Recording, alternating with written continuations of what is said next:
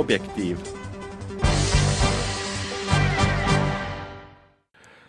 tervist, head Objektiivi raadio kuulajad, nii meie portaali vahendusel kui ka Pereraadios algab taas Objektiivi raadiosaade ja siin stuudios on Markus Järvi ja Varro Vooglaid ning meie räägime sellest, mis uudist on viimasel kahel nädalal olnud.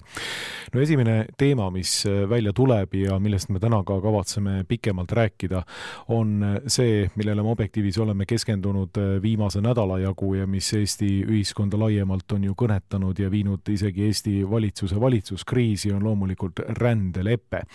natuke räägime rändeleppest endast, aga loomulikult on siin kommenteerimise materjali pikalt ja laialt eh, kogu selle eh, temaatikaga, mis on rändeleppe kõrval välja tulnud, kuidas eh, ühed inimesed ja üks pool Eesti ühiskonnast nimetab teist infooperatsioonide edastajaks ja, ja, ja etendajaks ja nii edasi. et äh, siin on kommenteerimist äh, hulgaga. no kui nüüd teha selline kokkuvõte, siis äh, kuhu me sinu arvates tänaseks selle rändeleppe saagaga nüüd üldse välja oleme jõudnud? no minule tundub, et kõik, mis selle rändeleppega seonduvalt on toimunud, räägib meile rohkem meie poliitilisest süsteemist kui sellest rändeleppest endast et järjekordselt oleme näinud protsessi, kus püütakse mingisugust väljaspool Eestit paika pandud ideoloogilist ja poliitilist programmi ka Eestis läbi suruda, ilma et selleks algatataks korralikku ühiskondlikku arutelu, ilma et selleks algatatakse arutelu isegi parlamendis, ja ilma, et selle arutelu kaudu püütaks selgusele jõuda nendes parimates huvides meie riigi ja rahva seisukohast, mille selginedes peaks siis langetama otsuse selle kohta, kas selle leppega üleüldse ühineda või mitte või millistel tingimustel sellega ühineda vastupidi, me oleme näinud mida, me oleme näinud seda, kuidas välisminister ja president ennekõike, pluss nende selja taga seisvad äh, diplomaatilised ja muud bürokraatlikud ringkonnad, on tegutsenud selle nimel, et minna kümnendal, üheteistkümnendal detsembril sinna Marrakechi, Marokosse, et väljendada Eesti Vabariigi nimel toetust sellele kompaktile. Ja nüüd, kus siis on äh, asi pandud suure kella külge, muuseas, Objektiiv oli esimene väljaanne, kes sellest tõsisema artikli kirjutas, erinevalt Postimehe väitest, mis arvas, et nemad seda tegid, äh, on jõutud olukorda, kus järsku see masinavärk on kinni kiilunud. eks ei, ei olegi võimalik minna lihtsalt sinna Marrakechi ja asja vaikselt ära teha, vaid äh, mingisugused ringkonnad siis on tinginud olukorra, kus tuleb hakata asja arutama, selgitama, vaatama seda teksti, vastama küsimustele, eks, vaatama näkku probleemidele ja nii edasi.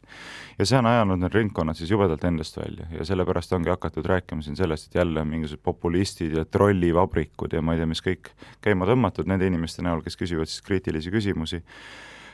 ja süüdistatakse siis inimesi ühiskonna lõhestamises ja hüsteeria külvamises, ma ei tea, milles iganes muster on väga sarnane sellele, mida oleme varemegi näinud, muuhulgas kooseluseaduse läbisurumise päevilt. Ja see on äh, väga oluline tähelepanek, et äh, igasugust ühiskondlikku diskussiooni iseenesest salajas äh, peetud ja vaiba alla pühitud lepingute ja raamistike läbisurumise juures peetakse ja sildistatakse automaatselt mingisuguseks trollivabriku ja ja, ja Vene infooperatsiooni ja, ja tont teab veel mille, mille tulemiks. et seda mustrit me oleme tõepoolest näinud ju Eestis kaua juba. põhimõtteliselt äh, selle idee või äh, mõttekäigu edendajad Eestis äh, ja Eesti avalikus diskussioonis ei tee mitte midagi muud, seda olen ka korduvalt öelnud, kui suretavad Eesti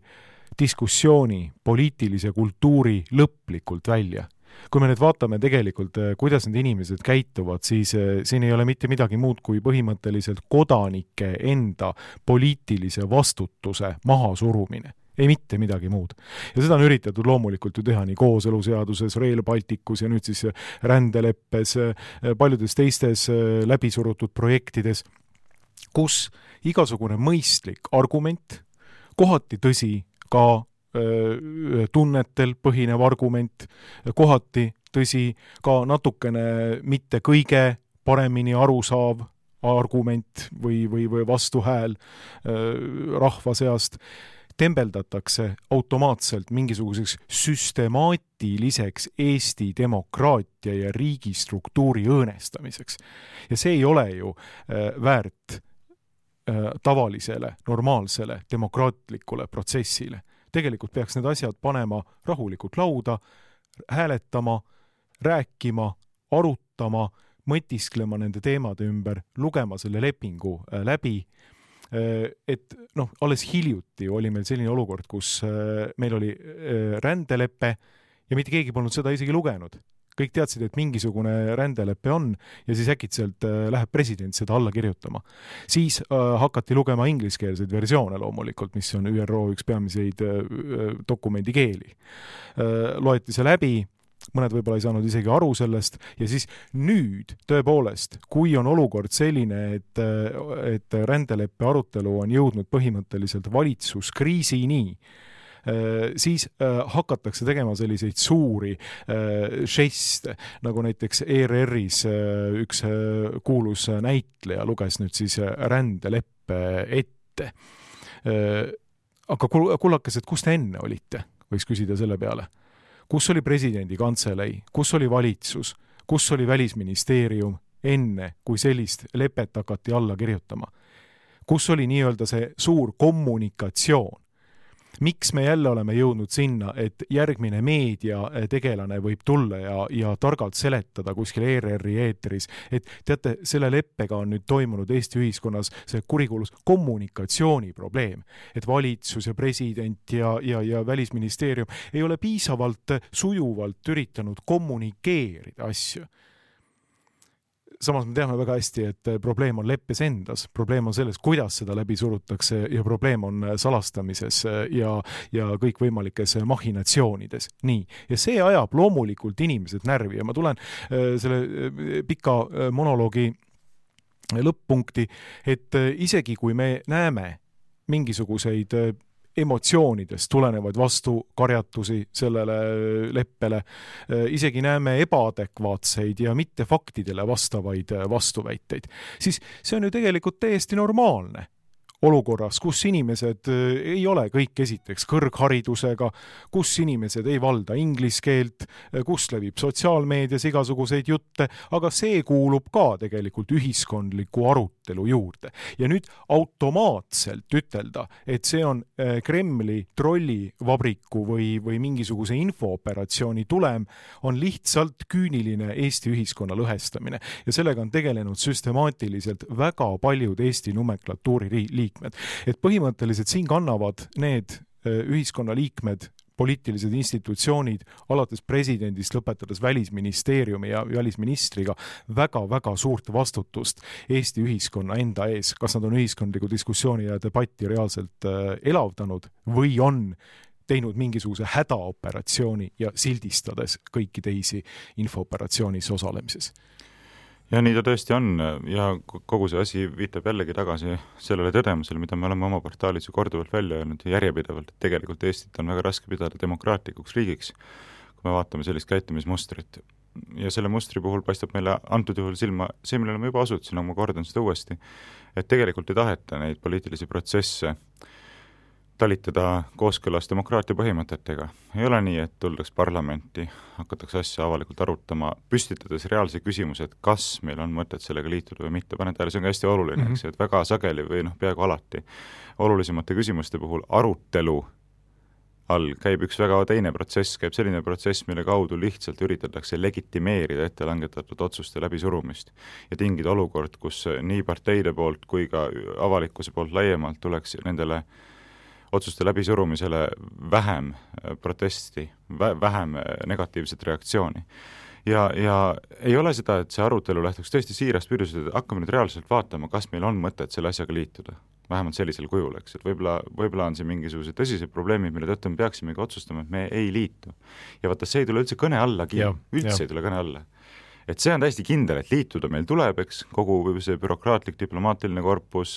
vasakpoolsed poliitikud, globalistide häälekandjad presidendist kuni, kuni välisministrini ja peaministrini, et see on selge, et liituda tuleb nii. aga arutame asja, aga ma küsiksin vastu, mida me siin arutame, kui teil on ette need otsused langetatud, see on ju, see on ju inimeste lollitamine. see on ju inimeste petmine, see on inimestega manu-, manipuleerimine. mida see arutamine siis tähendab tegelikult? ja, ja vot see on selline asi, mis viitabki tagasi sellele, et me ei saa rääkida mingist demokraatlikust riigist. kui meil oleks tegelikult demokraatlik riik, siis miks oleks nii suur probleem näiteks see, et panna see küsimus rahvahääletusele? küsimus ei ole mingisuguses ülispetsiifilises eriteadmisi nõudvas asjas, küsimus on poliitilises deklaratsioonis, millega väljendatakse poolehoidu teatavatele ideaalidele seonduvalt migratsiooniküsimusega. miks ei või siis olla rahvas see, kes ütleb, kas me tahame olla seotud sellise dokumendiga või mitte? ja ma tean, et kogu aeg räägitakse, et selle õiguslikult siduv, see on omaette küsimus, mida peaks, võime pärastpoole arutada. aga fakt on see, et poliitiliselt on see siduv nii või teisiti, eks, me noh, väljendame teatud põhimõtetele poolehoidu, järelikult kõik eeldavad, et me nõustume nendega ja käitume kooskõlaliselt nendega. et selline, selline selline, sellisest siduvusest äh, ei saa mitte kuidagi üle ega ümber ja, ja ei, see ei tule kõne allagi, rahvale mingisugust otsust anda ei peeta võimalikuks, ei peeta selles küsimuses võimalikuks, ei peeta kooseluseaduse küsimuses võimalikuks, ei peeta abielu põhiseadusesse panemise küsimuses võimalikuks, ei peeta Rail Balticu küsimuses võimalikuks, ei peeta ESM-iga liitumise küsimuses võimalikuks, ei peeta üldse üheski küsimuses võimalikuks, kui vastus ei ole juba ette teada, nagu oli siis põhiseaduse vastuvõtmise ja Euroopa Liiduga liitumise puhul, mille puhul siis referendumid korraldati, aga veel kord, juba teadmises, et äh, positiivne vastus on garanteeritud. nii et äh, see on see probleem ja, ja sa osutasid siin sellele, et jube kergekäeliselt hakatakse kriitikuid tembeldama mingisugusteks äh, Kremli trollideks või Putini kasulikeks idiootideks või agentideks, nagu näiteks Krister Paris tegi Eesti Päevalehes järjekordselt, tuues kiiresti välja selle Vene kaardi, eks, et kes ei ole rändeleppega liitumise poolt, see on tegelikult äh, kas Putini kasulik idioot või otseselt siis äh, selline Kremli käepikendus juba, kasutades seda kapo peadirektori Arnold Sinisalu poolt käibele lastud retoorikat, äh, täiesti häbiväärselt ja alusetult, seda enam, et tegelikult me oleme täna ju olukorras, kus Ameerika Ühendriigid on teatanud, nad ei liitu selle leppega, Iisrael on teatanud, nad ei liitu sellega, Austria on teatanud, nad ei liitu, Austraalia on teatanud, et nad ei liitu, küll aga kavatseb sellega liituda Venemaa, eks et nüüd tekib küsimus, et vabandust, et mis juttu te üldse räägite siin, et äh, pigem võiks öelda, et Venemaale kasulikku liini ajavad need, kes ütlevad, et Eesti peaks tingimata sellega liituma. nii et noh, täiesti mõistusevastane, irratsionaalne, aga ikka üks ja sama muster, mis kogu aeg välja mängitakse igasuguse opositsiooni mahasurumiseks ette langetatud otsuste läbisurumisele. ja mulle on ka tundunud, et äh, kui ma lugesin Krister Parise artiklit, äh, siis äh, ühelt poolt tahaks nagu naerda, aga teiselt poolt ei taha ka, sellepärast et meie poliitiline diskursus ja üleüldse poliitikast rääkimine peavoolumeedia veergudel on jõudnud sinnamaani välja, kus põhimõtteliselt edastatakse narratiivipunkte ametliku narratiivi punkte sellisel viisil, et me oleme jõudnud täieliku absurdini absoluutsesse absurdi oleme välja jõudnud praegu. ja eh, siis küsitakse, et huvitav, huvitav küll, miks inimesed, kellel vähegi on järele jäänud iseseisvat mõtlemisvõimet, ei usalda enam peavoolumeediat. no kullakesed, sellepärast ei usalda, et te sellist hullumeelselt totrat narratiivi seal edendate, nagu oleks ükskõik millise ettenähtud otsuse vastane tegevus või vastane argumentatsioon automaatselt Vene käpiknukuks olemine ja see on ju täiesti äh, hullumeelne positsioon, et sa juba viitasid sellele äh,, et äh, tõesti Iisrael, USA, Poola ei kavatse äh, liituda selle leppega, Austraalia ja Austria äh, samuti. nii, noh siin me võime küsida tõepoolest, et, et millele põhineb sellise kaardi väljaütlemine. Ja seda teemat pole võimalik üle rõhutada, sellepärast et Eesti ühiskonnas me olemegi jõudnud sinna, kus vastaspool või siis ametlik narratiiv mängib oma, oma mõtteid mõtted ja jutupunktid välja sellisel viisil, äh, et igale mõtlemisvõimelisele inimesele on see täiesti vastuvõetamatu loba. me oleme jõudnud põhimõtteliselt sinna välja, äh, nagu äh, räägiks meile kommunistlik partei või nagu räägiks meile mingisugune Eesti Kommunistliku Partei peasekretär mingisuguseid jutupunkte, need tundusid ka vist omal ajal mõistlikumatena kui see, mida praegu räägib meile näiteks Krister Paris Päevalehes või mingisugused poliitikakommentaatorid, kes edastavad ametlikku ametliku valitsuse nii-öelda narratiivi. jah, kuulates kõiki neid jutupunkte, mida justkui ühest suust ette kanti, siin kõrghetkel eelmisel nädalal, kui oli tõesti küsimuse all see, kas siis valitsus toetab seda või ei toeta, sellele eelneval päeval, sellel samal päeval, kui valitsus ei jõudnud otsusele neljapäeval, ja ka järgmisel päeval, siis paistis kätte üks väga selge muster, mille kohta ma ka kirjutasin Facebookis sedasi, et et mis meile siit vastu vaatab, on Eesti poliitilises paradigmas pikka aega ilmselt kõige defineerivamaks tunnuseks olnud asjaolu. nimelt see, et, et nii Sven Mikseri, Kersti Kaljulaiu Jevgeni Ossinovski, Marina Kaljuranna kui paljude teiste sisuliselt ühehäälsetest süüdistustest vaatab vastu see tõdemus,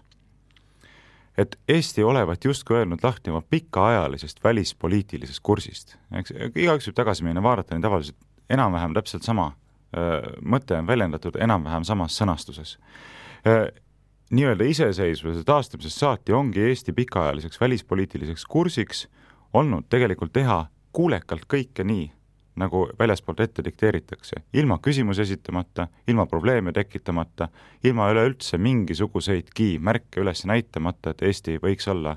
nende hulgas, kes ei jookse kohe esimeste reas innukalt kaasa selle asjaga. ja see ongi see Eesti välispoliitiline kurss. see on minu meelest väga oluline asi tähele panna. millest nad räägivad, mis see välispoliitiline kurss siis on? sest kui me vaatame seda rändelepet, siis me sisuliselt ei leia sealt mitte midagi sellist, millega mittenõustumine tähendaks Eesti senisest välispoliitilisest kursist lahtiütlemist. seal ei ole mitte midagi sellist, et Eesti ei taha olla ÜRO liige, seal ei ole sellist, et Eesti ei taha olla NATO liige, Eesti ei taha Euroopa Liidu liige olla, et Eesti tunnustaks üldisi inimõigusi, seal ei ole mitte midagi sellist nüüd jääbki küsimus, et milles see lahtiütlemine siis seisneb ja võimatu on jõuda muule järeldusele kui see, et see ongi selline äh, orjameelsuse kvintessents, see välispoliitiline kurss, see ongi põhimõtteliselt orjameelsuse inkarnatsioon. käitumismuster, mis on tuletatud orjameelsuse printsiibist, teha kõike võimalikult innukalt, võimalikult kuulekalt, võimalikult kiiresti, võimalikult täpselt, nii nagu meile ette öeldakse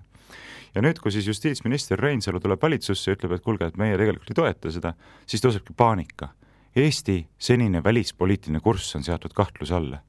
keegi ütleb, et me ei teegi täpselt nii, nagu meist oodatakse, eh, esimeste seas kohe ei jookse, eks, ja, ja ongi, ja tulevadki need süüdistused. ja nüüd kodanikud peaksid aru saama, et millest see meile tegelikult räägib see ei räägi meile enam rändeleppest, ma tulen sinna tagasi, millest ma alustasin, see räägib meile midagi Eesti poliitilisest süsteemist, see räägib meile midagi nendest inimestest, kes on meie riigi võimu juures juba pikemat aega olnud ja on seal praegu ka. ja kes sisuliselt teenivad globalistlike võimuringkondade huve Eestis, mitte Eesti huve nende globalistlike võimuringkondade ees nii et see on, see on väga ülimalt tõsine järeldus, mis meile sellest asjast järjekordselt äh, vastu vaatab. jah, ma tooksin siin võib-olla ühe analoogia näiteks äh, perekonnaga, äh, kus on isa ja ema ja päris mitu last. Ja kui isa tuleb ühel päeval perekonna õhtusöögilauda ja ütleb, et meile tuli selline ettepanek kinnisvaramaaklerilt müüa oma kodu maha, nii ja noh, ja kõik arutavad ja mõtlevad ja mida me siis asemele ostame ja, ja, ja kuidas niimoodi, aga kohe on näha juba pikemat aega, et isa tahab põhimõtteliselt selle asja nüüd kiiremas korras maha müüa. ja, ja nüüd ei ole nagu enam küsimus selles, millised argumendid on adekvaatsed ja kas see kodu on, on reaalne ja kas see kodu on hea koht elamiseks ja kas see uus kodu, mida me siis peaksime ostma, on, on, on kuidagi kuidagi elamiskõlbulik või, või kas me üleüldse saame nagu piisavalt raha selle eest, et midagi uut osta, nii edasi ja nii edasi ja nii edasi. nii ema kui kõik lapsed saavad juba aru põhimõtteliselt sellest, et isal on maakleriga juba diil, juba on tehtud mingisugune otsus ära ja nüüd eh, põhimõtteliselt on lihtsalt vaja see perekonnanõukogus läbi suruda. Eh, see on meie poliitika üks nagu noh, analoog tänapäevasel päeval. ja, ja siis, kui väike Juku ütleb, et kuule, aga issi, et miks me siis nüüd reaalselt ikkagi peame selle asja maha müüma siin. meil on ju täitsa ilus maja siin ja, ja, ja praegu on kinnisvaraturg ka suhteliselt vilets, siis hakkab enam-vähem isa noomima Jukut, et tead, Juku, sa nüüd ole, ole nüüd värgu vait ja need sinu, need sellised argumendid ja küsimused solvavad minu isa autoriteeti. umbes midagi sellist, et noh, et olukord on jõudnud sinna, kus igasugune süsteemi vastu töötamine, ette nähtud otsuste kritiseerimine ja demokraatlikule äh, apellatsioonile viitamine. teeme siis rahvahääletuse, palun teeme rahvahääletuse, viime need siis tõepoolest üha suurema rahva äh, kaasamisega äh, demokraatlikesse institutsioonidesse, las rahvas otsustab siis need, isegi sellised argumendid võetakse eh, vastu kui rünnakut eelotsustatud eh, agendale. Ja loomulikult siis hakatakse sildistama, et noh, et ma tulen ikka jälle sellesama, sama temaatika juurde tagasi, et eh, see on saanud niivõrd selgeks moodus operandiks Eesti poliitilisele klikile et kohati hakkab äh, tunduma äh, seda, et äh, kas meie poliitiline süsteem üleüldse enam on legitiimne. selles mõttes, et kas ta üleüldse täidab Eesti põhiseaduses ja põhiseaduse preambulis meie poliitilisele süsteemile ja juhtkonnale ette pandud nõudmisi. kaitsta Eesti riiki, kaitsta Eesti rahvast, tagada, et Eesti rahvas võiks säilida läbi aegade. et kohati hakkab tekkima tunne, et, et see on tõsine, tõsine tõsine küsimus. Aga mis meie poliitilise eliidi äh, tegemistes silma paistab, ongi ju see, et äh, demokraatlike institutsioonide poolt pöördutakse siis, kui häda on käes, kui agenda enam läbi ei lähe. Ja nii me saamegi ju äh, näiteks teada seda, kuidas üheksandal novembril näiteks välisminister Sven Mikser ütles veel, et rändeleppe toomine Riigikogu suurde saali hääletamiseks mõjuks väga äraspidiselt millegipärast et selliste lepete üle ei peaks üleüldse Riigikogu otsustama. toona ei olnud veel kindel isegi, kas valitsus hakkab sellele, selle leppe üle eh, otsustama ja rääkima. Eh, põhimõtteliselt oleks olnud võimalik ka selline olukord, et isegi valitsus ei anna oma plaatšetit sellele leppele. Eh, ja, ja president läheb lihtsalt sellise üleüldise vaikimise ja konsensuse saatel Marrakechi ja kirjutab sellele rändepaktile alla. aga no siis läks valitsusse, nii siis tekitas see seal valitsuskriisi, kuna Reinsalu ei äh, toetanud seda lepet ja jäi lõpuni kindlaks endale. siis hakkasid tulema ultimaatumid Ossinovskilt ja Ossinovski ütles, et kui Reinsalu kohe praegu ei lahtu, lahku, siis äh, lahkuvad äh, valitsusest sotsid. siis läks paar päeva mööda ja kui Reinsalu ei lahkunud, hakkas Ossinovski ajama hoopis teist juttu, öeldes, et tegelikult oleks vaja see rändepakt panna ikkagi, ikkagi Riigikokku ehk siis põhimõtteliselt demokraatlikud institutsioonid on varuvariandid, kui läbi ei lähe ettekavatsetud äh, plaan, mida teha, kuidas seda asja läbi suruda. Äh, ja äh, noh, nüüd ongi tegelikult vaja ja oleks vaja teha siit veel üks samm edasi, et kui seda arutab äh, Riigikogu, siis peaks olema võimeline arutama seda rahvas. Ja kogu see rändelepe, mis teatavasti ei ole lepe, vaid lihtsalt mingisugune poliitiline dokument, äh, tuleks panna rahvahääletusele ja seda võib täiesti rahulikult rahvahääletusele panna jah, ja lihtsalt repliigi korras olgu märgitud seda, et mõned on öelnud, et ei, et rahvusvahelisi lepinguid ei tohi panna äh, rahvahääletusele põhiseaduse paragrahvi sada kuus kohaselt, mis ütleb, et äh, rahvahääletusele ei saa panna eelarvemaksude, riigi rahaliste kohustuste, välislepingute ratifitseerimise, denonsseerimise, erakorralise seisukorra kehtestamise, lõpetamise ning riigikaitse küsimusi aga fakt on see, et kogu aeg on needsamad ringkonnad, kes tahavad seda ÜRO rändelepet äh, läbi suruda, tahavad, et Eesti väljendaks selle toetust, öelnud, et tegemist ei ole rahvusvahelise lepinguga. ja tegemist ei ole ei välislepingu ratifitseerimisega, denonsseerimisega, vaid tegemist on lihtsalt poliitilise deklaratsiooniga,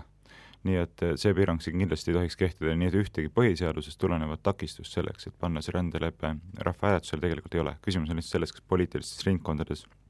leidub piisavalt soovi käituda demokraatlike mustrite kohaselt või tegelikult mitte, või ainult räägitakse demokraatiast ja püütakse tegelikult teha asju ära just nimelt ebademokraatlikult.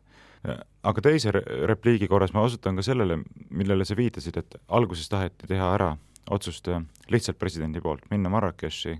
väljendada Eesti Vabariigi nimel toetust ja ongi kõik. teine plaan oli siis see, et teha ära see valitsuses. seal ei õnnestunud ka siis üksmeelt saavutada, nüüd on plaan minna siis Riigikogusse aga tegelikult ma ei ole selle kontekstis päris kindel ka selles, kas see väide, et Reinsalu ja Isamaa jäid endale lõpuni kindlaks, vastab tõele. ma ei tea seda. sellepärast, et äh, praegu paistab küll, et see skeem, mis valitsus on välja mõeldud, peaks olema rahuldav justkui kõigile et ühelt poolt sotsid saavad äh, lahti sellest äh, ultimatiivsest nõudmisest mm, -hmm. et mhm. valitsus peab väljendama toetust Marrakechi leppele, vastasel juhul nemad lahkuvad valitsusest, noh, Ossinovski ilmselgelt bluffis sellega üle, mängis ennast nurka, nüüd on vaja kuidagi sellest nurgast välja saada, eks. fakt on see, et nende jaoks on oluline, et Eesti Vabariik toetaks seda lepet. ja Isamaa teiselt poolt äh, saab ka äh, sellest raskest olukorrast välja tulla, tõstes käed üles, öeldes, et näete, meie ei toetanud seda, aga samal ajal mõistes väga hästi, et kui asja üle hakkab otsustama Riigikogu, siis see toetus sealt välja võlutakse, sellepärast et Reformierakond tuleb oma häältega taga, taha ja ilmselt ka Vabaerakond. nii et, et lõppude lõpuks on kõik rahul, tulemus on ikkagi see, et otsustatakse toetada seda Marrakechi lepet. Nii et ma ei, ma ei tea, kuidas sellesse täpselt suhtuda, aga fakt on see, et see väga hea välja ei näe. seda enam, et tegelikult on väga küsitav, kas õiguslikult Riigikogu on see, kes peaks selliseid otsuseid langetama, eks, et kui valitsuse tegelikult üksmeelt selles küsimuses ei ole ja valitsus peab hoolitsema välispoliitika teostamise eest, siis äh, on väga küsitav, kas presidendil on mingisugust mandaati minna sinna Marrakechi Eesti Vabariigi nimel äh, seda toetust väljendama või mitte ja see on tõepoolest oluline tähelepanek, et äh, see oleks suurepärane viik et äh, Reinsalu on ühelt poolt äh, tehtud sangariks valitsuses ja siis kogu lepe viidud Riigikokku, nii et hääled on välja võlutud, Isamaa on end puhtaks, puhtaks pestud ja, ja leppele oleks siis Riigikogu allkiri või, või Riigikogu poolt toetus olemas. ja sestap on väga-väga oluline, et nüüd me Riigikoguga ei jääks peatuma, sest ühiskondlikku de debatt debatt eh, on jõudnud sinnamaani välja, et eh, rahvas on sellega niivõrd üles köetud, et ainus aus lahendus oleks anda see lepe rahvahääletusele eh, sellisel viisil, et, et rahvas saaks anda omaenda hinnangu küsimusele, mis on ju riigi valitsemise ja rahva enda säilimise osas keskse tähtsusega. tegelikult, kui me räägime immigratsioonist või migratsioonist, siis selle reguleerimise puhul ju me räägime riigi ühest peamisest funktsioonist üldse me räägime ju põhimõistest üleüldse, mis kuulub riikluse juurde, ehk siis teiste sõnadega sellest, kes on riigi kodanik ja kes ei ole. millised õigused on riigi kodanikud ja millised ei ole riigi kodanikuks olemine on privileeg, mitte lihtsalt niisama asi, et siia tullakse, võetakse kiiruga mingisugune e-kodakondsus ja siis eh, võetakse veel sotsiaalmaksud välja ja tehakse mida tahes. ei, riigi kodakondsus ja eelkõige rahvusriigi kodakondsus, nii nagu Eesti põhiseaduse preambul selle, selle sedastab, on Eesti rahva säilitamine läbi aegade see on ju peamine, peamine idee. Ja, ja, ja, ja sellepärast immigratsiooni küsimused sellisel, sellise rahva killukese jaoks, nagu seda on Eesti rahvas, mis nüüd praegu siis on juba jõudnud sinnamaani välja, et me oleme põhimõtteliselt alla miljoni rahvas Eestis vähemalt. Selle jaoks on immigratsiooni küsimused elu ja surma küsimused me ei saa mitte midagi muud äh, öelda, selles mõttes, et, et kui siia tuleb äh, üheksasada tuhat inimest maailma mastaabis, see, mis meie praegu Eesti rahvaarvuks siin Eestis arvatakse olevat, on, on naeruväärne maailma mastaabis. et kui me tahame, äh, kui me tahame Eesti rahva seda killukese identiteeti rahvuslikku identiteeti siin säilitada, no siis immigratsiooni küsimused on, on kesksel tasandil ja, ja, ja, ja kui üld, üldse keegi selle eh, peale võiks eh, otsustada, siis on just nimelt rahvas, kes nüüd ütleb, et jaa, kas me avame oma piirid ja, või vähemalt anname oma, oma allkirja eh, sellisele nii-öelda raamleppele leppele või, või siis nagu poliitilisele dokumendile, mis põhimõtteliselt hõlbustab tulevikus kõikide piiride avamist, vähemalt suunab teed sinnapoole, et, et, et migratsioon saaks inimõiguseks, et, et, et miljonid ja miljonid võivad hakkama, äh, hakata liikvele tulema maadest, kus nad ei, ei, ei, ei taha elada. et äh, need on ju väga olulised küsimused no kõige kesksemad küsimused, et, et vahetevahel läheb, läheb see tasand äh, kuidagi hämaraks ja, ja, ja, ja kui me nüüd ütleme, et, et Eesti võtab mingisuguseid kohustusi migratsiooni vallas või vähemalt annab oma allkirja eh, lepetele või, või kompaktidele, mis võivad tulevikus hakata hõlbustama massiimmigratsiooni, siis eh, väikeste rahvakildude jaoks on see eksistentsiaalne küsimus. ja eh, sestap tuleks see küsimus rahvahääletusele panna ja täna neljapäeval, me salvestame seda saadet siin neljapäeval, eks ole, Eesti Konservatiivne Rahvaerakond andis sisse eelnõu, millega tehakse just nimelt seesama ettepanek, panna äh, seesama ÜRO rändeleppes osalemine rahvahääletusele. ja selle Riigikogu otsuse eelnõu eestkõneleja Henn Põlluaas kirjutab siis nõnda, et ÜRO rändepakt annab Eestile tulevikus moraalseid ja poliitilisi suuniseid migratsiooni käsitlemiseks, riivates sellega meie riigi suveräänsust. ühinemine või mitteühinemine mõjutab mitte ainult seda, vaid ka meie järglaste elu sedavõrd põhimõtteliste küsimuste puhul ei tohi ühiskonda poliitiliste otsuste tegemisest kõrvale tõrjuda, selgitas Põlluaas. ja tõepoolest, noh, praegusel hetkel me loomulikult ei tea, kuidas Riigikogu otsustab selle otsuse eelnõuga ümber käia, aga loomulikult on väga tõenäoline, et see visatakse lihtsalt prügikasti, nagu tavaliselt tehakse ettepanekutega, mis kutsuvad üles lähtuma otsustes rahva enamuse seisukohtadest. ja ilmselt läheb seekord täpselt samamoodi, et see visatakse lihtsalt prügikasti ja minnakse edasi oma plaanidega selleks, et need ette langetatud otsused kitsastes ringkondades läbi suruda. objektiiv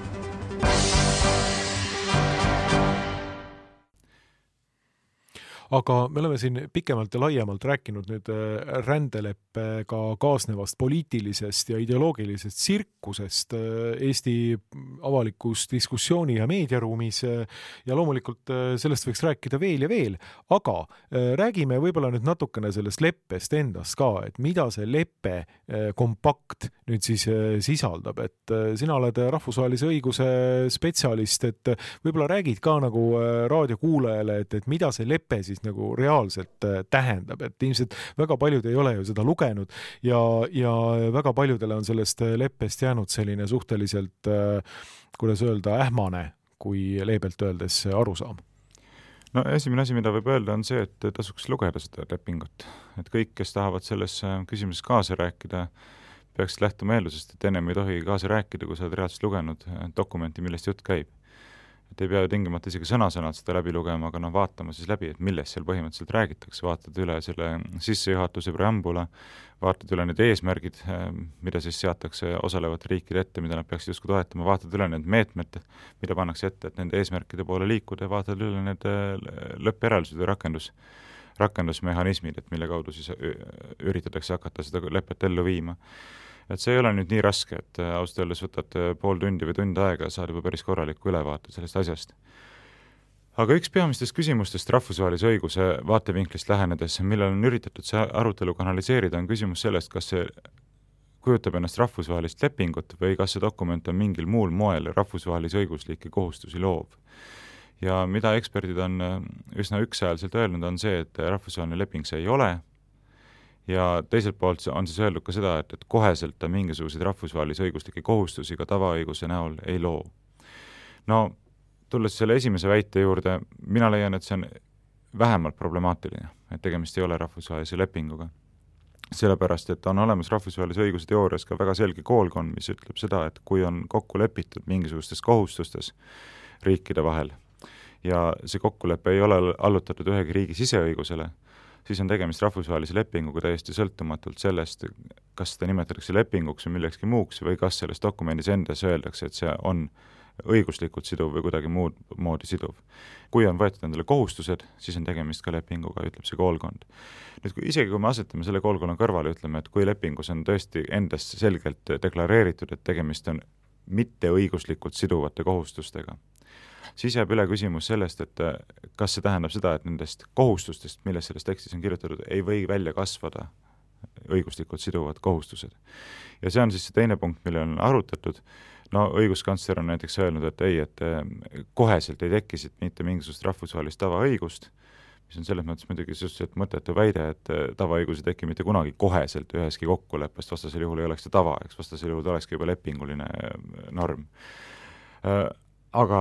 aga kas siis see võib välja kasvada sellest tekstist, kas siit mingi teatavatest punktidest võib kujuneda välja rahvusvahelise õiguslik, tavaõiguslik norm ja on ilmselge, et võib. et ähm, jällegi õiguskantsler on öelnud, ilma täiendavate kokkulepeteta seda ei saa juhtuda, mis, mis on vale, saab küll Äh, rahvusvahelise õiguse asjatundjad teavad seda, et ei ole vaja täiendavaid kokkuleppeid, vastasel juhul olekski küsimus selles, et mis mõtet on tavaõigusest eraldiseisvalt üldse rääkida, kui ta sünnib ikkagi ainult läbi konkreetsete kokkulepete, see rahvusvahelise õiguslik norm. ja võib, võib kasvada välja rahvusvaheline tavaõigus. nii et kõik, kes on püüdnud väita seda, et ei, et siin ei, ei tekitata mitte mingisugust rahvusvahelist õigust selle kokkuleppega, tegelikult eksitavad avalikkust kas teadlikult või teadmatult, sellepärast et äh, see kindlasti lihtsalt ei vasta tõele aga mida ma lisaksin siia juurde, on see, et minu meelest paljuski see arutelu üldse juhib tähelepanu kõrvale kesksetelt küsimustelt, see ei ole tegelikult niivõrd oluline, sellepärast et kui Eesti Vabariik võtab endale mingisugused kohustused rahvusvahelise üldsuse ees, siis mitte keegi ei hakka küsima, kas te olete võtnud need kohustused endale õiguslikult siduvas vormis või poliitiliselt siduvas vormis või moraalselt siduvas vormis või ükskõik missugusel viisil siduvas vormis. fakt on see, et te olete võtnud endale kohustused ja kui kohustused on võetud, siis tuleb neid heas usus täitma hakata, siis tuleb lähtuda sellest, et sinul on kohustused. oleme me kunagi kuulnud, et ükski Eesti Vabariigi esindaja, ükski poliitik läheks kuskile ÜRO-sse või Euroopa Nõukogusse või Euroopa Liitu või kuskile mujale rahvusvahelisse foorumisse ja ütleks, et kuulge, et me ei kavatse neid asju täita, sellepärast et need ei ole meile õiguslikult siduvad, eks. kas keegi kujutab üleüldse ette, et ükski poliitik võiks sellist asja teha kuskil? me ei ole seda mitte kunagi mitte kusagil näinud järelikult jutt sellest, et see ei ole õiguslikult siduv, on noh, üsnagi kõrvalise tähtsusega. fakt on see, et kui me oleme sellele oma toetust väljendanud, siis seda hakatakse ka ellu viima. nii et äh, kui me vaatame nüüd seda avalikku diskussiooni, mis meil on siin käinud, kus on tohutult palju keskendutud vaidlusele selle, selle üle, kas ta isegi on õiguslikult siduv või ta ei ole õiguslikult siduv, siis ma ütlen, et kuulge, et lõpetaks nüüd selle jutu ära ja vaataks reaalselt seda teksti, vaataks neid kohustusi, mis sellega Eesti Vabariigile võetakse ja hakkaks arutama selle üle, kas selliseid kohustusi on meil mõttekas võtta või mitte mis need äh, peamised äh, kohustused on, kui sa saaksid teha sellise kokkuvõtva äh, repliigi? no tegemist on pika lohiseva dokumendiga, selle tõttu on üsna raske niimoodi konkreetselt öelda, mis need kohustused täpsemalt on, mis siis riigid selle leppega liitudes endale võtaksid, aga võib viidata näiteks Austria valitsuse seisukohale, mis on destilleerinud välja sealt seitseteist punkti, mille tõttu nemad peavad selle leppega liitumist vastuvõetamatuks. ja ütlevad nad siis sedasi. Eriti lükkab Austria tagasi aga järgnevad ÜRO migratsioonileppe punktid, kuivõrd need jäävad väljapoole Austria kehtivat õiguslikku korda. esiteks, seadusliku ja ebaseadusliku migrandi staatuse vahetamise lihtsustamine. teiseks, perekondade taasühinemise lihtsustamine. kolmandaks, parem kaasamine tööturul. neljandaks, nõuete ülekandmise võimaldamine sotsiaalkindlustusele. viiendaks, esmaste tervishoiuteenuste võimaldamine, kuuendaks, kooliressursside võimaldamine, seitsmendaks, ligipääsu tagamine kõrgharidusele, kaheksandaks, formaalselt mitteomandatud kvalifikatsioonide tunnustamine, üheksandaks, ettevõtete asutamise lihtsustamine, kümnendaks, juurdepääs tervishoiusüsteemile, üheteistkümnendaks, ümberasustamisvõimaluste tagamine kliimapõgenikele, kaheteistkümnendaks, integratsiooni parimate tavade, see tähendab inglise keeles best practices, ülevõtmine. kolmeteistkümnendaks, niinimetatud vihakuritegudega võitlemine. neljateistkümnendaks, õiguslike meetmete selgitamine niinimetatud vihakuritegude ohvritele niinimetatud vihakuritegudega võitlemiseks. viieteistkümnendaks, kurjategijate profileerimise takistamine rassi, etnilise päritolu või religiooni alusel, kuueteistkümnendaks, sallimatuse ilmingute paljastamisele õhutamine ja seitsmeteistkümnendaks interneerimise ehk kinnipidamise takistamine ja massiliste väljasaatmiste keelamine. Nii, siin on nüüd loetelu seitsmeteistkümnest konkreetsest punktist, mis kätkevad siis endas kohustusi, mida Austria valitsus ei pea võimalikuks omalt poolt toetada, sellepärast et see sekkub liigselt nende suveräänsusesse, see sekkub liigselt nende võimalusse otsustada ise selle üle, kuidas nende punktidega äh, seonduvalt oma õiguskorda kujundada ja no meie ise Objektiivis oleme ju algusest peale protesteerinud konkreetselt ühe punkti vastugi selles leppes, mis peaks välistama Eesti Vabariigi poolt toetuse väljendamise sellele leppele. see on siis see eesmärk seitseteist, kus all räägitakse siis sellest, et et peaks hakkama riigid võitlema selle vastu, et meedia väljendab migratsiooni suhtes mitte poolehoidvaid seisukohti, kuni sinnamaani välja, et riik peaks võtma endale kohustuse hakka, hakata koolitama ajakirjanikke ja ajakirjandusväljaandeid selliselt, et nad räägiks migratsioonist äh, soosivalt. kujutad sa ette? põhimõtteliselt sekkuma ajakirjandusvabadusse sellisel viisil, et hakkavad vormima seda, kuidas siis ajakirjanikud migratsioonist räägime, ehk põhimõtteliselt tegelema ajakirjanduse meelsuse suunamisega migratsiooniga seonduvates küsimustes kujutad sa ette, no see, see, see ainuüksi peaks juba ütlema, et kuulge, lõpetage ära, et me oleme eh, hoopis teistsugune riik, me austame meediavabadust, me austame sõnavabadust, me austame veendumuste vabadust ja riigi asi ei ole sellistesse asjadesse üldse sekkuda. no tegelikult see protsess, et riik on sekkunud eh, meediavabadusse ja koolitanud ajakirjanikke, on ju toimunud juba pikemaajaliselt, seda me teame ka ja Eesti ajakirjandusmaastikul on sellel isegi oma korüfee nimi, see on Marju Lauristin, kes on põlvkond põlvkondade kaupa vorpinud ajakirjanikke Tartu Ülikoolist välja, kelle eesmärgiks tänapäeval ongi just nimelt migratsiooni edendamine, nagu me näeme Eesti Päevalehest ja Postimehest ja igalt poolt mujalt. aga tõepoolest, see seitsmeteistkümnes eesmärk, ma loen natukene selle, seda punkti siit ette, sellepärast et, et kuulajale jääks see lihtsalt üldsõnaliseks. see tõepoolest räägib sellest, et riik peab hakkama sekkuma ajakirjandusvabadusse, nüüd siis juba deklaratiivselt, mitte lihtsalt enam selle kaudu, et see lihtsalt toimub de facto, vaid põhimõtteliselt de jure. Ehk siis seitsmeteistkümnes eesmärk ütleb selles lepingus, igas vormis diskrimineerimise kaotamine ja tõenduspõhise avaliku arutelu edendamine, et kujundada rände tajumist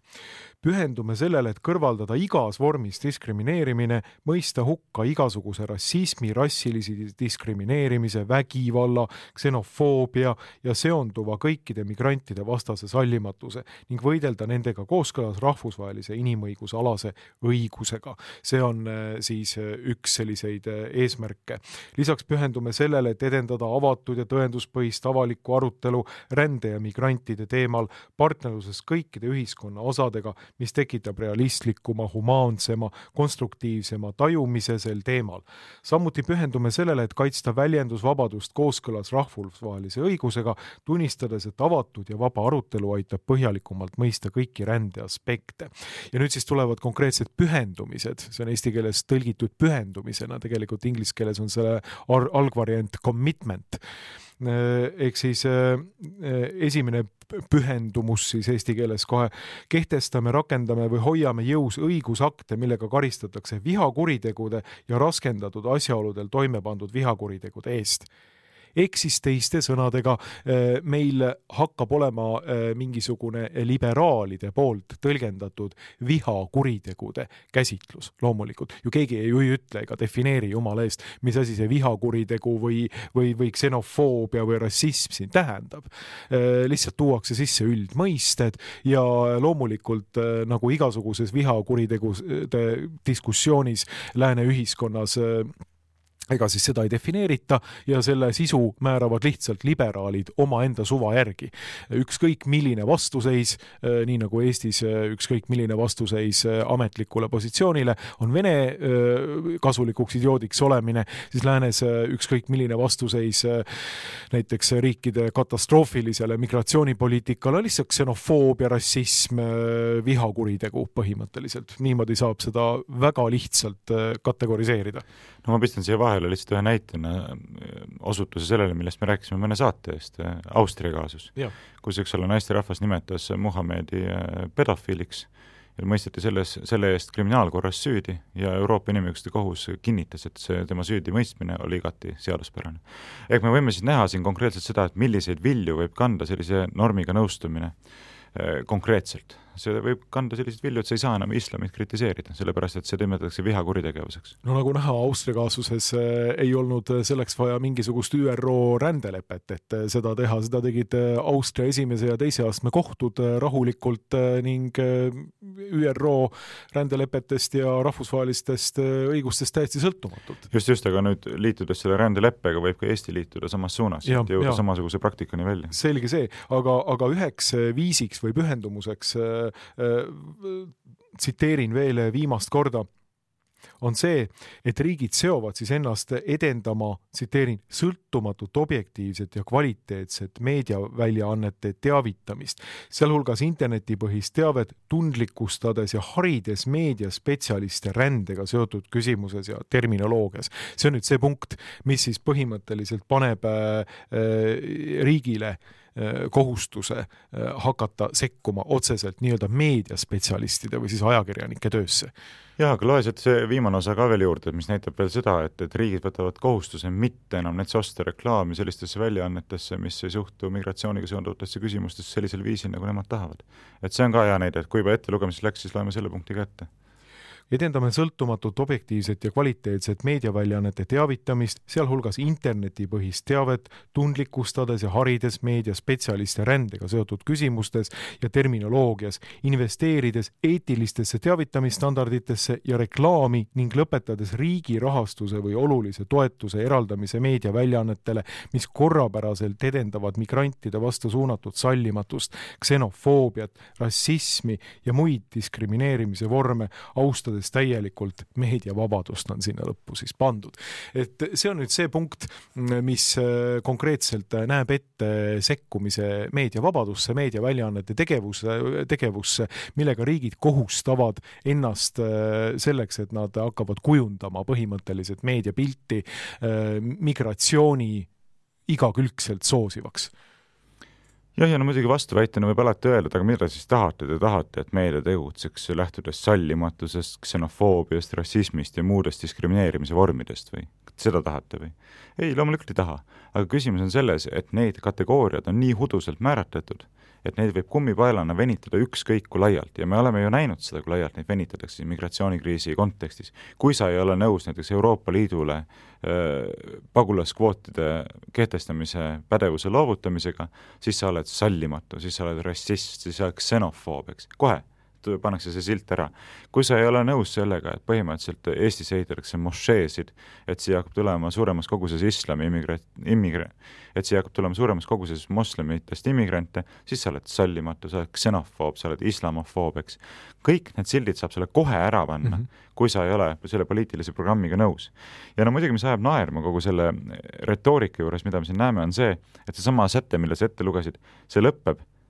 väga lühikeselt kolme sõnaga austades täielikult meediavabadust, eks. ehk teisisõnu, me hakkame võtma ära igasugust reklaamiraha väljaannetelt, kes ei toeta eh, migratsiooni kajastamist väga positiivses valguses, nii nagu meile meeldib. me hakkame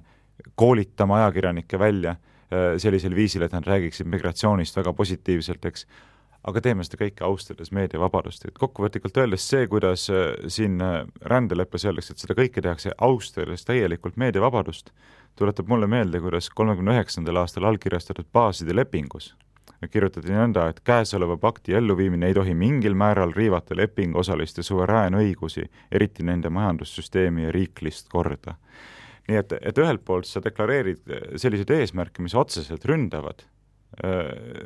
ühiskondliku korralduse aluseks olevaid äh, põhimõtteid ja teiselt poolt siis äh, Äh, niimoodi mööda minnes ütled, et loomulikult austades äh, kõiki neid põhimõtteid, äh, mis siis on selle ühiskondliku korralduse aluseks. et noh, mis tähendust on selle austuse väljendamisel nendele põhimõtetele, kui see, mida sa deklareerid eesmärkidena, tegelikult ilmselgelt hakkab neid põhimõtteid riivama aga meie saade hakkab lõppema ja me peame tegema kokkuvõtteid äh, nii rändelepingu teemast äh, kui ka meie poliitilisest olukorrast. Äh, igal juhul käesoleva nädalaga jõuab siis teema ka Riigikokku ja esmaspäeval peaks olema esimene hääletus Riigikogus sellel teemal. üks hääletus nimelt ainult ongi, kolme lugemist ei ole ja käesoleva nädala lõpul saab siis tõepoolest ka teada seda, kuidas Riigikogu suhtub EKRE eelnõusse panna kogu see rändeleppe küsimus rahvahääletusele ja nagu sa ütlesid ka, et kõige tõenäolisemalt läheb see ilmselt lihtsalt prügikasti. Ja, ja muidugi tasub näha selles Riigikogu hääletuses ka midagi positiivset, et me teame, et kolmandal märtsil on tulemas Riigikogu valimised ja nüüd kõigil kodanikel tasub siis hästi tähele panna, millisel viisil üks või teine saadik Riigikogus hääletab noh, ma ennustan muuhulgas seda, et nii mõnedki saadikud äh, unustavad ennast jälle kuskile WC-sse või mm, -hmm. või on haiged, et ei saa sel päeval kahjuks tööle tulla, et mitte saada oma nime taha märget, et toetas ÜRO rändelepet. aga sellegipoolest, äh, kui soovitakse saada ikkagi Riigikogu poolne toetus sellele leppele, siis on vaja mingi hulk hääli kokku saada ja nüüd on väga oluline vaadata, et kes need inimesed siis on, kes seda Riigikogus toetavad ja pidada seda ühtlasi meeles ka Riigikogu valimistel. ja kogu äh, see diskussioon on ju lahti läinud äh, tänu sellele, et meil on äh, nelja kuu pärast Riigikogu valimised kolmandal märtsil ja tõepoolest see paanika et, et inimesed on hakanud mõtlema nii valitsuses kui igal pool mujal, et nad peavad juba nelja kuu pärast hakkama vastust andma rahvale selle, nende küsimuste ees ja, ja nende, nende oma otsuste eest. see paneb ja peaks panema poliitikuid tõsiselt mõtlema, mida nad praegu teevad. ja teine asi on vaadata Statistikaameti kodulehele ja, ja vaadata seda numbrit, kui palju on eestikeelseid inimesi Eestis järele jäänud. see alla miljoni number, see peaks kainestama igat migratsioonifanaatikutki, aga noh, ma ei usu, et see, see iseenesest kainestab, aga, aga, aga, aga siiski see on, see on olukord, mida vähemalt kahtlejad peaksid arvesse võtma, kas lubada Eesti kontrollimatult migratsiooni, me ei räägi siin põgenikest, vaid me räägime tõepoolest siis lihtsalt ümberrändajatest, migrantidest või, või mitte. ja nii väiksele rahvale on ilmselge, et tegu on eksistentsiaalse küsimusega ja saab siis lähipäevidel näha, et, et millise liini ja ma toonitan just nimelt liini, üldise liini Eesti äh, Riigikogu, Eesti poliitiline eliit selles küsimuses valib. jah, kahtlemata olen nõus sinuga, et see migratsiooni küsimus on üks sellistest sõlmküsimustest Eesti ühiskonna tulevikku silmas pidades. Aga paralleelselt sellega tasub muidugi alati meeles pidada ka seda, et ega see maa tühjaks ei jää nii või teisiti et see on ka oluline tõdemus, et ühelt poolt migratsioon, aga teiselt poolt peab ikkagi meie rahvas suutma vastata küsimusele ka sellest, kas me ise tahame püsima jääda ja suureks äh, saada. me ei saa püsima jääda läbi selle, et me ainult tõrjume teisi siit eemale, loomulikult on oluline see, et me säilitame oma riigi omaenda koduna ja ise otsustame selle üle, kes ja kuidas ja millistel tingimustel siia tuleb. fakt on see, et olukorras, kus maailma populatsioon kiiresti kasvab, peame me aru saama sellest, et tühjaks ükski koht sel planeedil ei jää, et kui me seda maalapikest iseendaga ei suuda täita ja ei taha täita, ei taha hakata senisest kordades rohkem lapsi saama, mitte komakohtades rohkem lapsi saama, siis äh, see ujutatakse üle migrantidega nii või teisiti, sest et väga paljudes maailma piirkondades on äh, muutunud elu juba peaaegu väljakannatamatuks, kui me vaatame Aasiat, kui me vaatame Aafrikat, eks, ja sealt tulevad sellised massid ühel hetkel liikvele, et need lihtsalt, sa ei pea neid kinni enam isegi piirivalvega ja, ja kuhu nad lähevad, loomulikult nad lähevad ennekõike sinna, kus äh, on maa tühi. Et eh, alguses nad lähevad muidugi sinna, kus on rohkem sotsiaaltoetusi, igasuguseid hüvesid ja nii edasi, aga mingil hetkel ei anta neid hüvesid enam mitte kuskil, siis pole lihtsalt midagi anda, eks. ja siis hakatakse minema lihtsalt sinna, kuhu, kuhu aga saab minna. ja kui me vaatame näiteks ähm, populatsiooni tihedust, siis Euroopa Liidus keskmiselt on see kuskil sada viisteist inimest ruutkilomeetri kohta, Saksamaal on ligi kolmsada inimest ruutkilomeetri kohta, Eestis kolmkümmend inimest ruutkilomeetri kohta, ehk see on Euroopa Liidu keskmisest ligi neli korda madalam. Nii et äh, need on asjad, mille üle me peame mõtlema, loomulikult meil on soid ja muid selliseid piirkondi, kus ei saagi elada, aga sellest hoolimata Eesti on ülihõredalt asustatud. ja veel kord, kui me ei taha oma maad iseendaga täita, siis täidetakse see meie eest hoopis teiste inimestega pikemas perspektiivis nii või teisiti sellised on perspektiivid äh, ÜRO rändeleppe asjus. Äh, tänan teid kuulamast ja kaasa mõtlemast. eetris oli Objektiivi raadiosaade ja stuudios olid Markus Järvi ja Varro Vooglaid. aitäh teile!